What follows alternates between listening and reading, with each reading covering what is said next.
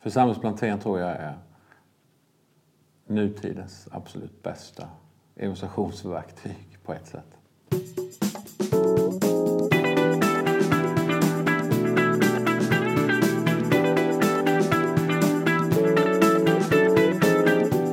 Varmt välkomna tillbaka till Planteringspodden, eh, avsnitt nummer två. Förra veckan hade vi eh, eh möjligheten att få träffa Martin Alexandersson och idag ska ni få träffa mannen som alltid har röda skor. Han har fyllt 50 år, han är gift med Kikki, han är smålänning ute i fingerspetsarna, pastor i Vetlanda och Växjö. Han är pastor i en både etablerad församling, han är församlingsplanterare och han är också pastor i en moderförsamling. Han har ett stort hjärta för onådda folk och han heter Patrik Olofsson. Han är också med i nationella ledningen för pingstplantering och eh, han är trebarnspappa och har alltid med massor saker på gång. Och just nu sitter han med en keps på sig som det står You never walk alone på. Och det är för er som inte är hemma på det, eh, Liverpools slogan. Idag ska ni få höra honom berätta sin story. Han ska berätta lite grann om Hope Church och om pionjärarbete och vi hinner med ett par frågor på slutet. Jag heter Niklas Mörling. Varmt välkomna! Ja, men vad kul Patrik att ha dig som gäst i eh, Planteringspodden. Det här är ju riktigt högtidligt. Det är en haft... stor ära för mig. ja, och det är stor ära för mig också att få eh, sitta här och snacka en stund med dig. Um, jag, jag, undrar, med bakgrund av alla de här sakerna som jag, som jag har berättat om dig, vad, vad är det som driver dig att eh, leva det här livet och göra alla de här sakerna? Vad, vad, vad kommer det ifrån? Det är en fråga man kan ställa sig själv ibland. Men eh, ska man vara, försöka svara hyfsat seriöst och bra så, så någonstans så finns det en kallelse i botten tror jag. Eh, som går tillbaka till när jag var i tidig tonår. Eh, jag var på en, ett ett, läger. Ett, kyrkan hade ett läger och vår kyrka. Och, eh, det var en som var där och undervisade, en bibelläsare som var där och undervisade. Jonny Karlsson heter Foglander idag. Mm -hmm. Och han, eh, ja det är jättesvårt att sitta still och hitta på massa dumheter hela det här lägret. Mm. Men eh, vid ett undervisningstillfälle i slutet så började han be för folk. Och gjorde något som man kallar i kyrkans värld, eller i Bibelns värld, profeterade för folk. Ja. Så skickade hälsningar från Gud rakt in i mina kompisar. Mm -hmm till mina kompisar och, och, då fick jag min uppmärksamhet där nere i bänken där jag satt. Mm. Vad är detta? Det stämmer perfekt. Han beskrev mina kompisar och, och sen en hälsning. Jag var så mitt i prick. Och helt plötsligt så vänder han sig till mig och vill eh, att jag ska komma fram och han har ett ord från Gud till mig. Och jag blev livrädd och nervös. Eh, och då ska man veta att när jag var sju år så dog min pappa och eh, det fanns en trasig del i min själ, i mitt hjärta. Mm. Det visste inte han någonting om. Och mitt på vägen fram, för jag vågade inte säga nej, jag gick fram, så säger han, eh, jag har en hälsning från Gud till dig och det är att Gud säger att han är din far. Han kan ge allt vad en pappa kan ge till sin son. Wow. Och jag kraschade. Mm. Positivt sett. Hur gammal var du?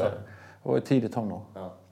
Så jag kraschade helt, föll ihop eh, där i mittgången i den här kyrkan och eh, grät och grät och grät. När jag blundade så såg jag bilder från olika länder.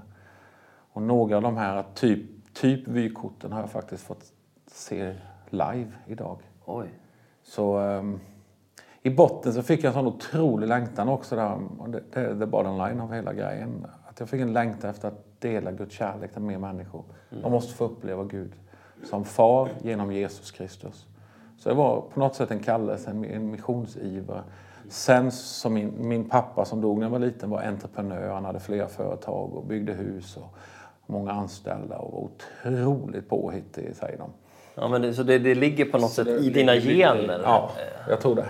För, för de som inte känner dig så kan jag berätta att, ja, förutom jag har ju redan presenterat det, men alla de här sakerna som du gör och du har alltid någonting på gång, kontakt med mycket människor och även om du fick ett väldigt starkt gudsmöte som du beskriver här nu när du var ung så kan man ju välja att göra olika saker av det. Men, mm. men vad är det som gör att du är så driven?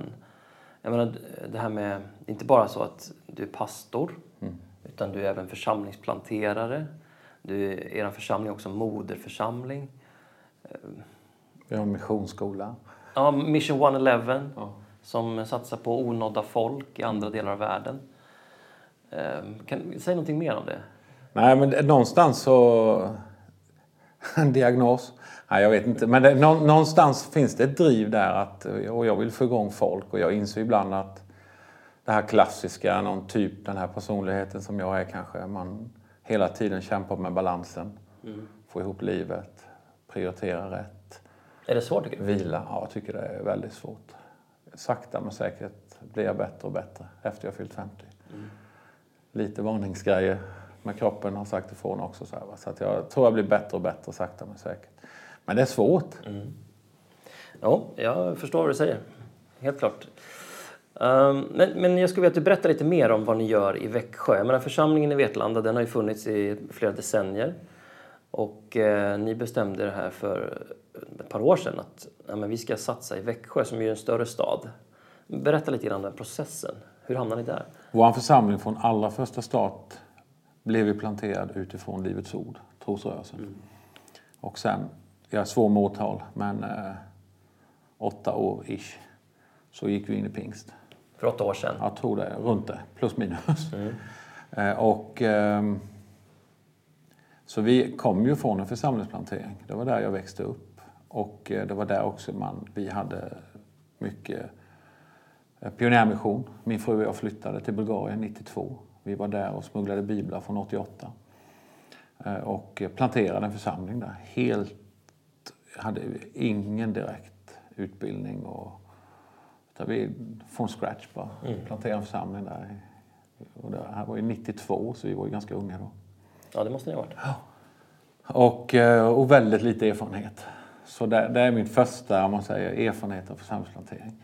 Även på den tiden hade vi lite, från Vetlanda då, så hade vi lite kontakt in i Växjö och evangeliserade där, började ha möten där och så vidare. Och, och, eh, och faktum att det har funnits på något sätt när jag fick ta över församlingen och, och så, här, så har jag alltid haft ett, på något sätt i tanken att någon gång ska vi nog starta i Växjö. Men vi måste bli färdiga först. Vi måste bli stabila först. Vi måste ha fler tydliga, bra ledare och få, ha mycket mer hur många personer, hur många invånare finns det i Vetlanda? 27 000 i kommunen och typ 15 000 i stan. Och i Växjö? Är det 70-75 i stan och 100, nästan 100 i kommunen. Och sen hände någonting från de där ja sen, ja, sen så de här funderingarna och tankarna fick en liten smäll när Rickard Svensson satt i vårt vardagsrum en gång. Vem är Rickard Svensson? Rickard Svensson är ju eh, eh, god vän och preacher och bibellärare men också en, förs en eh, församlingscoach i pingströrelsen. Eh, och reser runt och coachar. Och väldigt mjuk, fin personlighet. Eh, han jobbar utifrån att han ställer frågor och ibland obekväma frågor. Så han började fråga Kikko och mig, ni har väl mer i än Vetlanda?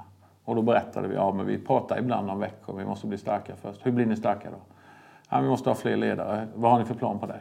Så han bara mat, vad, vad jag än sa så hade han en fråga till. Så det slutade faktiskt med att jag sa, kan inte du vara snäll och hålla käften? Förlåt, när jag sa det. För jag blev sur och pressad och stressad. Den natten satt vi uppe väldigt sent, Kikko och jag. Och vi träffade vårt ledarteam, tror det var samma vecka eller veckan efter. Och alla sa, men det är klart vi ska göra det. Vi blir väl aldrig färdiga. De hakade på. Mm. Och därifrån gick det inte så långt förrän vi anmälde oss till M4. Eh, jag tror det var där någonstans jag tog mer kontakt med dig. Och så här. M4 det är alltså det här processverktyget som vi, som vi använder för att hjälpa församlingsplanteringsteam att gå vidare i sin process. Jag ska berätta mer om det sen. Men, mm. Nej, och sen så började vi ta steg. En, en, av de första grejerna jag gjorde var att ta kontakt med... Det fanns ju en församling som är EFK Pingst. Och jag tog kontakt med dem, ville träffa deras församlingsledning. Det här var innan vi hade gjort inte ens ett litet steg in i Växjö. Och berättade. Min första fråga till gänget var att jag är här för att berätta att vi kommer som församling i Vetlanda starta en församling här i Växjö, en Hope Church. Och jag är inte här för att be om tillåtelse, sa jag. Mm. Lite så, och så en liten konstpaus på det. för att få lite uppmärksamhet. Mm. Och sen så, men jag är här för att be om förbön. Och jag är här för att be om vänskap. Därför att vi behöver varandra och vi behöver era förböner. Mm. Och, och uh, tycker att uh, lite blandad reaktion kanske, men eh, i större delen positivt. Att vi berättar och söker kontakt. Ja, intressant. Vad har hänt sedan dess? Det här är två år sedan? Eller? Ja, drygt. Faktiskt Vad har hänt sedan dess? Sedan. Nej, men sen så började vi. vi eh, första, om man säger offentligt. Jag, jag, jag, jag la ut en blogg som hette Växjö, en golvbrunn, Sveriges golvbrunn utifrån Robert Gustafsson. Allt vatten, allt regn, det samlas. Komikern. Ja, ja, exakt. Och, och, det var det första. Några hörde av sig utifrån den bloggen. Vi, vi sponsrade den bloggen eh, i kyrkan och så här för att få sprida lite och se om det fanns några människor. Och sen så, så eh, frågade vi Espresso House om vi fick ha ett hörn där. Och, och, gick ut med på social media så mycket vi kunde. Och så här och kom. Och det kom ett 50-60-tal nyfikna. Mm. Vi kanske var 15. Mm. Och, och, så här va. och sen efter har det sakta men säkert eh, människor kommit till tro. Mm. Och, eh, men också människor har, eh, mm. som har flyttat till Växjö och, och eh, hört om oss. Och så här va. Så nu, just nu i dagsläget så är vi kanske 30-35 mm. som kommer drygt, som kommer regelbundet om man nu skulle sluta på en månad. Ja. Eh, och lika många till som vi har kontakt med. Vad roligt. Du berättade för mig för ett tag sedan om en kille som bara dök upp på en av era samlingar där. Ja. Kan du inte berätta den ja, storyn? Vi gick mitt i, vi, eller vi hyrde Palladium eh, mitt på gågatan mm. i Växjö. Och så satte vi två sådana beachflaggor, stod Hope Church på. Och så hade vi några personer som delade ut eh, lite godis där och inbjöd dem till mötet. Och en person som faktiskt var på väg och tror jag till krogen eller någonting och var väldigt deprimerad. Tyckte det var, folk var så trevliga. Och de bjöd in honom och började prata med honom. Så han trodde på riktigt att eh, de måste ta mig för någon annan för de är så trevliga och snälla och det är så god atmosfär här. Men eh, jag njuter av detta så jag säger inget. och det slutade med att han eh, stannade inte på mötet men han skrev upp sin, sin, sin kontaktuppgift och ville veta mer om Hope. För det var en fråga vi ställde. Vill du, vill du ha sms och e-mail och så. Så fick han ett e-mail om en församlingsgrej vi hade uppe i Vetlanda bara veckan efter eller något, något sånt. Mm. Så han dök upp och han dök och på den grejen så var det en liten undervisningspass som jag hade om att vi behöver våga ha frälsningsinbjudan i vår kyrka. För det var en helkristen grej med pastorer och ledare. Mm. Men han dök upp där. Ja. Han hade ingen erfarenhet av kyrka. Mm. Och så när jag delade om det så, eh, så ville han ju på något sätt ha en inbjudan till frälsning. Mm. Ta ett steg mot Jesus. Så när han åkte därifrån var han lite frustrerad så han skickade ett sms till den här församlingstelefonen han har fått info ja. och sa att jag kommer imorgon med på gudstjänst i Vetlanda. Vi hade inga i Växjö. Men kommer han ha inbjudan till frälsning då? Mm. Så han kom på söndagen och eh, på inbjudan till frälsning. Innan jag ens var färdig med inbjudan så hade han handen uppe och tog emot Jesus. Fantastiskt. Det är rätt coolt. Ja, det är fantastiskt. Hur lite det ibland behövs för att göra plats för människor och ja. inkludera människor.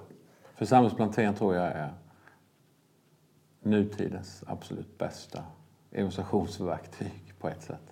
Utveckla det lite. Det är ett jätteintressant påstående.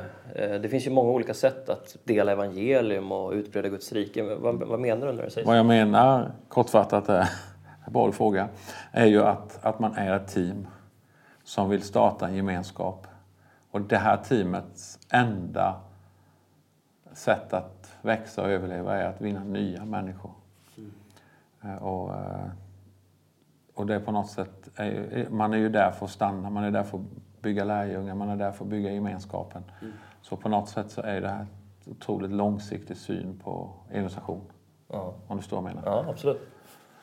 Eh, ser du några stora skillnader mellan sättet som ni arbetar på i, i Sverige?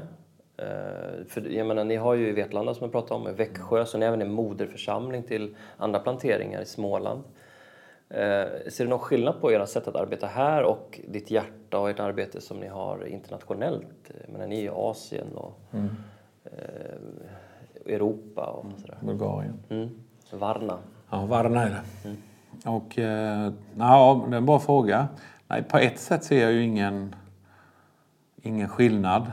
Eh, det bottnar i att människor, tror jag, alla människor längtar efter ett syfte med sina liv. Mm. Och vi som kristna tror ju att Jesus Kristus är, mm. är ju det, att det syftet. Det är han som kan fylla den meningen med livet. Eh, och vi fyller den med mycket annat. Eh, så egentligen är ju det det som är drivkraften oavsett om du är i Etiopien, Asien eller om du är i Växjö eller om du är i Varna i Bulgarien. Så är det ju samma behov hos människor. Sen är ju sättet att nå ut kan ju skilja. Och jag märker ju skillnad på Vetlanda och Växjö till exempel bara. Och det är bara en timme emellan. På ett sätt Kan du ett mer, exempel? Lite mer akademiskt, lite mer, det är lite mer bonnigt.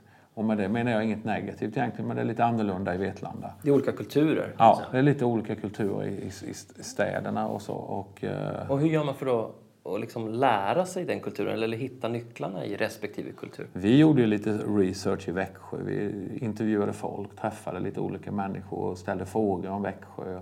För på något sätt eh, pinpointa lite, vad är den vanliga människan i, i Växjö? Ja. Och samtidigt gjorde vi lite liknande tankar och research i, Vetlanda.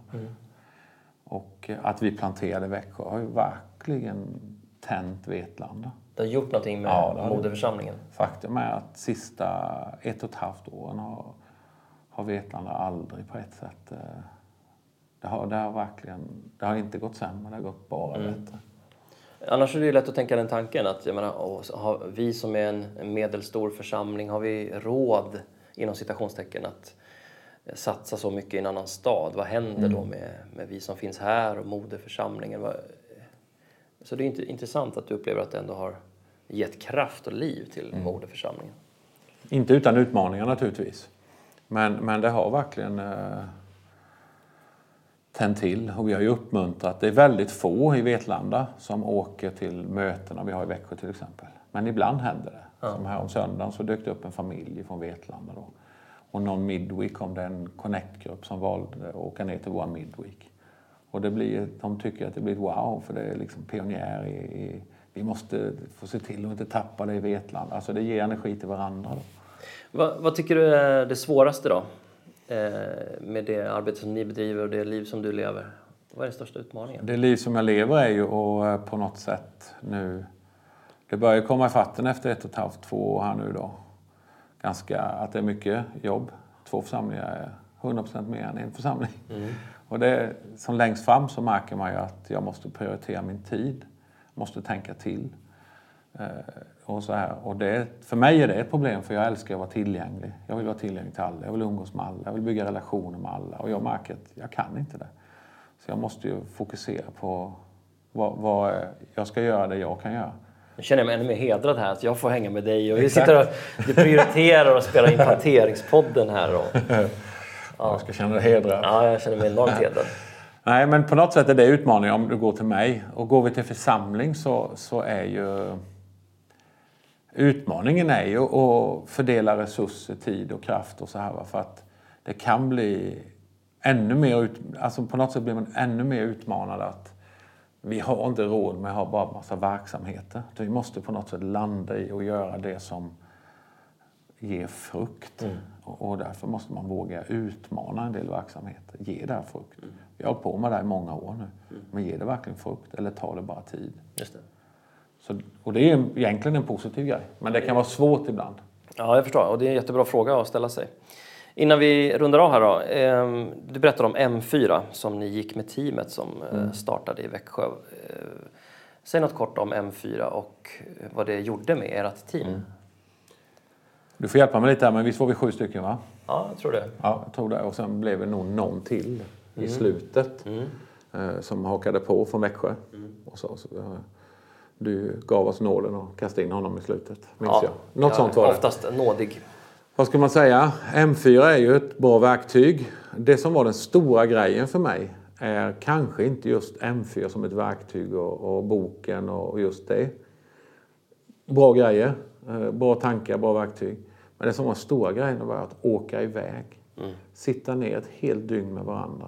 Vi, vi bad, vi lovsjöng och vi också satt och, och drömde och planerade och fick lite hjälp att drömma och planera. Dessa stora papper kan synas lite larvigt och rita och hålla på. Och, och, eh, det är inte bara larvigt. Det skulle kunna vara larvigt, men det är inte bara det. Utan här fick vi planera. Vad ska vi göra de kommande tre månaderna, de kommande sex månaderna? Och vi syns om sex månader igen med de andra teamen som var med. Och då ska vi stå inför dem och berätta. Hur gick det? Vad var real- realistiskt? Det här var en, två år och en otrolig, en otrolig period där vi och jag var noga med att de i mitt team, när vi skulle presentera, så även om jag kanske är en person som älskar min egen röst och kan gärna prata va, så försökte jag hela tiden få fram de andra i teamet. Nej men du presenterar nu, du gör det. Du. Alltså någonstans blev det ett ägandeskap i vårt team. Ja. Det är den stora grejen med M4 tycker jag. Ja, spännande att höra. Vi hör ju många liknande mm, intryck från team som har deltagit i M4. Eh, jag tror att vi ska ta eh, en, eh, en egen stund, ett annat poddavsnitt, kanske nästa, och prata lite grann om M4. Mm. Hur det fungerar och vad det är, för det är säkert många som inte vet så mycket om det. Ja, då har det blivit dags för lite frågelåda. Inkomna frågor här som jag fått. Jag tänkte att du skulle få hjälpa mig att svara på de här frågorna, Patrik. Eh, vi har fått en fråga här som lyder som följer. Vilka strategier för att nå ut har varit fruktbara i nya nutida projekt? Oh, det är en bra fråga. Det är en bra fråga och eh, vi kanske kan klassa som ett, ett nytt nutida projekt. Ja, det tycker jag. När det gäller församlingen i Växjö till exempel. Absolut. Då. Det är alltid så här när man eh, går in i en församlingsplantering så känner man sig egentligen, tror jag, mer eller mindre alldeles riktigt redo. Så jag, jag, tror ändå, om vi pratar strategi, så måste strategi... Det, det är otroligt brett vad man kan svara på det. Ja, och det här är ju min färg, mm. min erfarenhet. Mm. Så du måste fylla i lite här också Niklas. Så det finns många som lyssnar tror jag som har andra tankar om det. Men en strategi måste ju vara att det är ett fokus på nya människor. måste ju vara liksom A och O. Ja.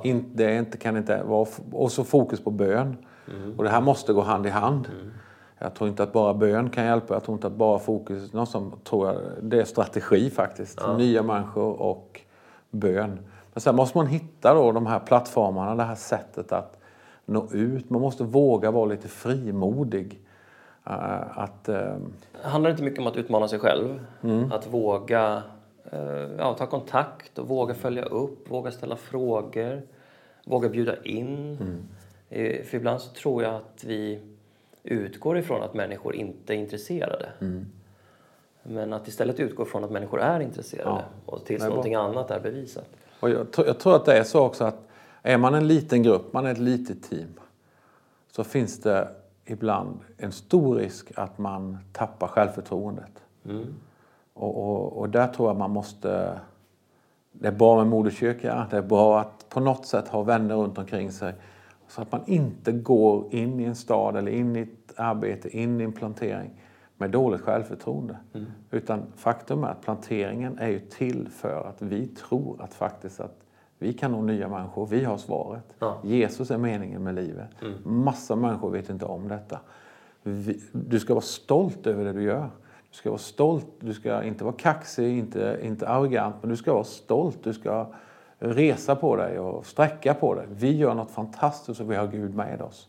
Det märks i teamet, det märks i, eh, i, i staden också faktiskt, folk du möter.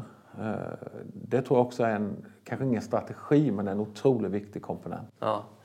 Eh, vi har ju i vår församling och naturligtvis många, många andra församlingar testat detta med alfa och jag har ju bara goda erfarenheter av det eh, alfakursen som är en grundkurs i kristen tro. Det, kan, det är ju en sak man gör tillsammans men man måste inte göra den i kyrkan liksom, med 50 personer. Man kan göra den hemma i sitt vardagsrum med, med 10 eller 5 personer. Mm. Så det också, tänker jag. Otroligt bra verktyg. Vad gör ni för att inkludera och komma i kontakt med nya personer? Är det mest på ett individuellt plan eller gör ni någonting tillsammans? Ja, det är båda delarna tror jag. Eh, något vi gör är ju att försöka skapa en kultur hos oss. Vi kör ju Midweek bland annat. Mm. Och det tror jag är det som flyger bäst hos en oss. En samling vardagskväll mitt i veckan? Ja, det är en onsdagkväll varannan vecka. Och nu kör en gång i månaden på helt på engelska. För att vi är en stor studentstad så här. Och, uh, vi sponsrar på, på Instagram, på Facebook. Vi ber vårt nätverk dela det här nu. Bjud med vänner nu. Och vi har haft tillfällen då folk har bjudit med vänner och de har gensvarat på frälsning och, och, och, eh, och så här. Så det är ett sätt. Det här Midweek då är ju, tycker jag, säger jag till folket, det här är ett verktyg för dig. Att ta med vänner. Mm. Du kanske inte är jätteduktig själv på att dela om Jesus. Eh, låt mötet göra det. Jag ska göra mitt bästa för att de ska få höra om Jesus och få en varm, tydlig inbjudan till frälsning. Eh, och så vidare. Bjud med vänner, det är en sak. En annan sak nu så gör vi något i ett, i det området som är ett riskområde. Ett av riskområdena i, i, eh, i Sverige, Araby i Växjö, så kommer vi ha en tvådagars eh, där vi kommer ha musik utanför. Mm. Och sen har vi hyrt en blackbox som är mitt i Araby där. Och, och, och en blackbox? Blackbox är en lokal eh, som är ganska black. Teater? Typ. Ja, en ja. liten teaterlokal. Mm. Så vi tar dit Tigge, Tiglet Malkaj, en, en riksevangelist i pingst. Just det. Och sen så tar vi dit en kille också som äh, rappar. Mm. Äh, en duktig kille som också har levt ett tufft liv. Och varva in den här samlingen vi har med lite vittnesbörd. Det blir ingen klassisk gudstjänst. Utan mer ett evangelistmöte, ett uh, utåtriktat möte. Mm. Och vi kommer dela ut flyers och så vidare. Så vi försöker göra, vi försöker också uh, ibland ha något, och det pratar vi mycket om, ha mer av after church, after school. Hitta olika grejer där vi bjuder in folk till och kan träffas många. Jättebra. Jag tror att vi rundar av där så länge och jag vill tacka dig så otroligt mycket för att du tog dig tid och för att du var med här. Och eh, jag gillar kepsen du har på dig. Det står You never walk alone. Det är snyggt. Ja. Och du vet var det kommer ifrån? Det är Liverpool. Come on. Bra avslut på en podd. Tack så du ha Patrik. Tack. Vill du lära dig mer om församlingsplantering så hittar du på webben eh, plantering.se eller vidare.nu. Mycket bra information, resurser och kontakter där. På Instagram heter vi plantering.se. Vi vill jättegärna att du skickar in eh, frågor om församlingsplantering eller vittnesbörd och stories via de kanalerna också så kan vi ta med dem här i programmet. Skriv även vad du tycker och tänker så kan vi bli ännu bättre. Och eh, håll utkik efter nästa podd med Patrik Olofsson som kommer inom en mycket snar framtid. Vi hörs snart.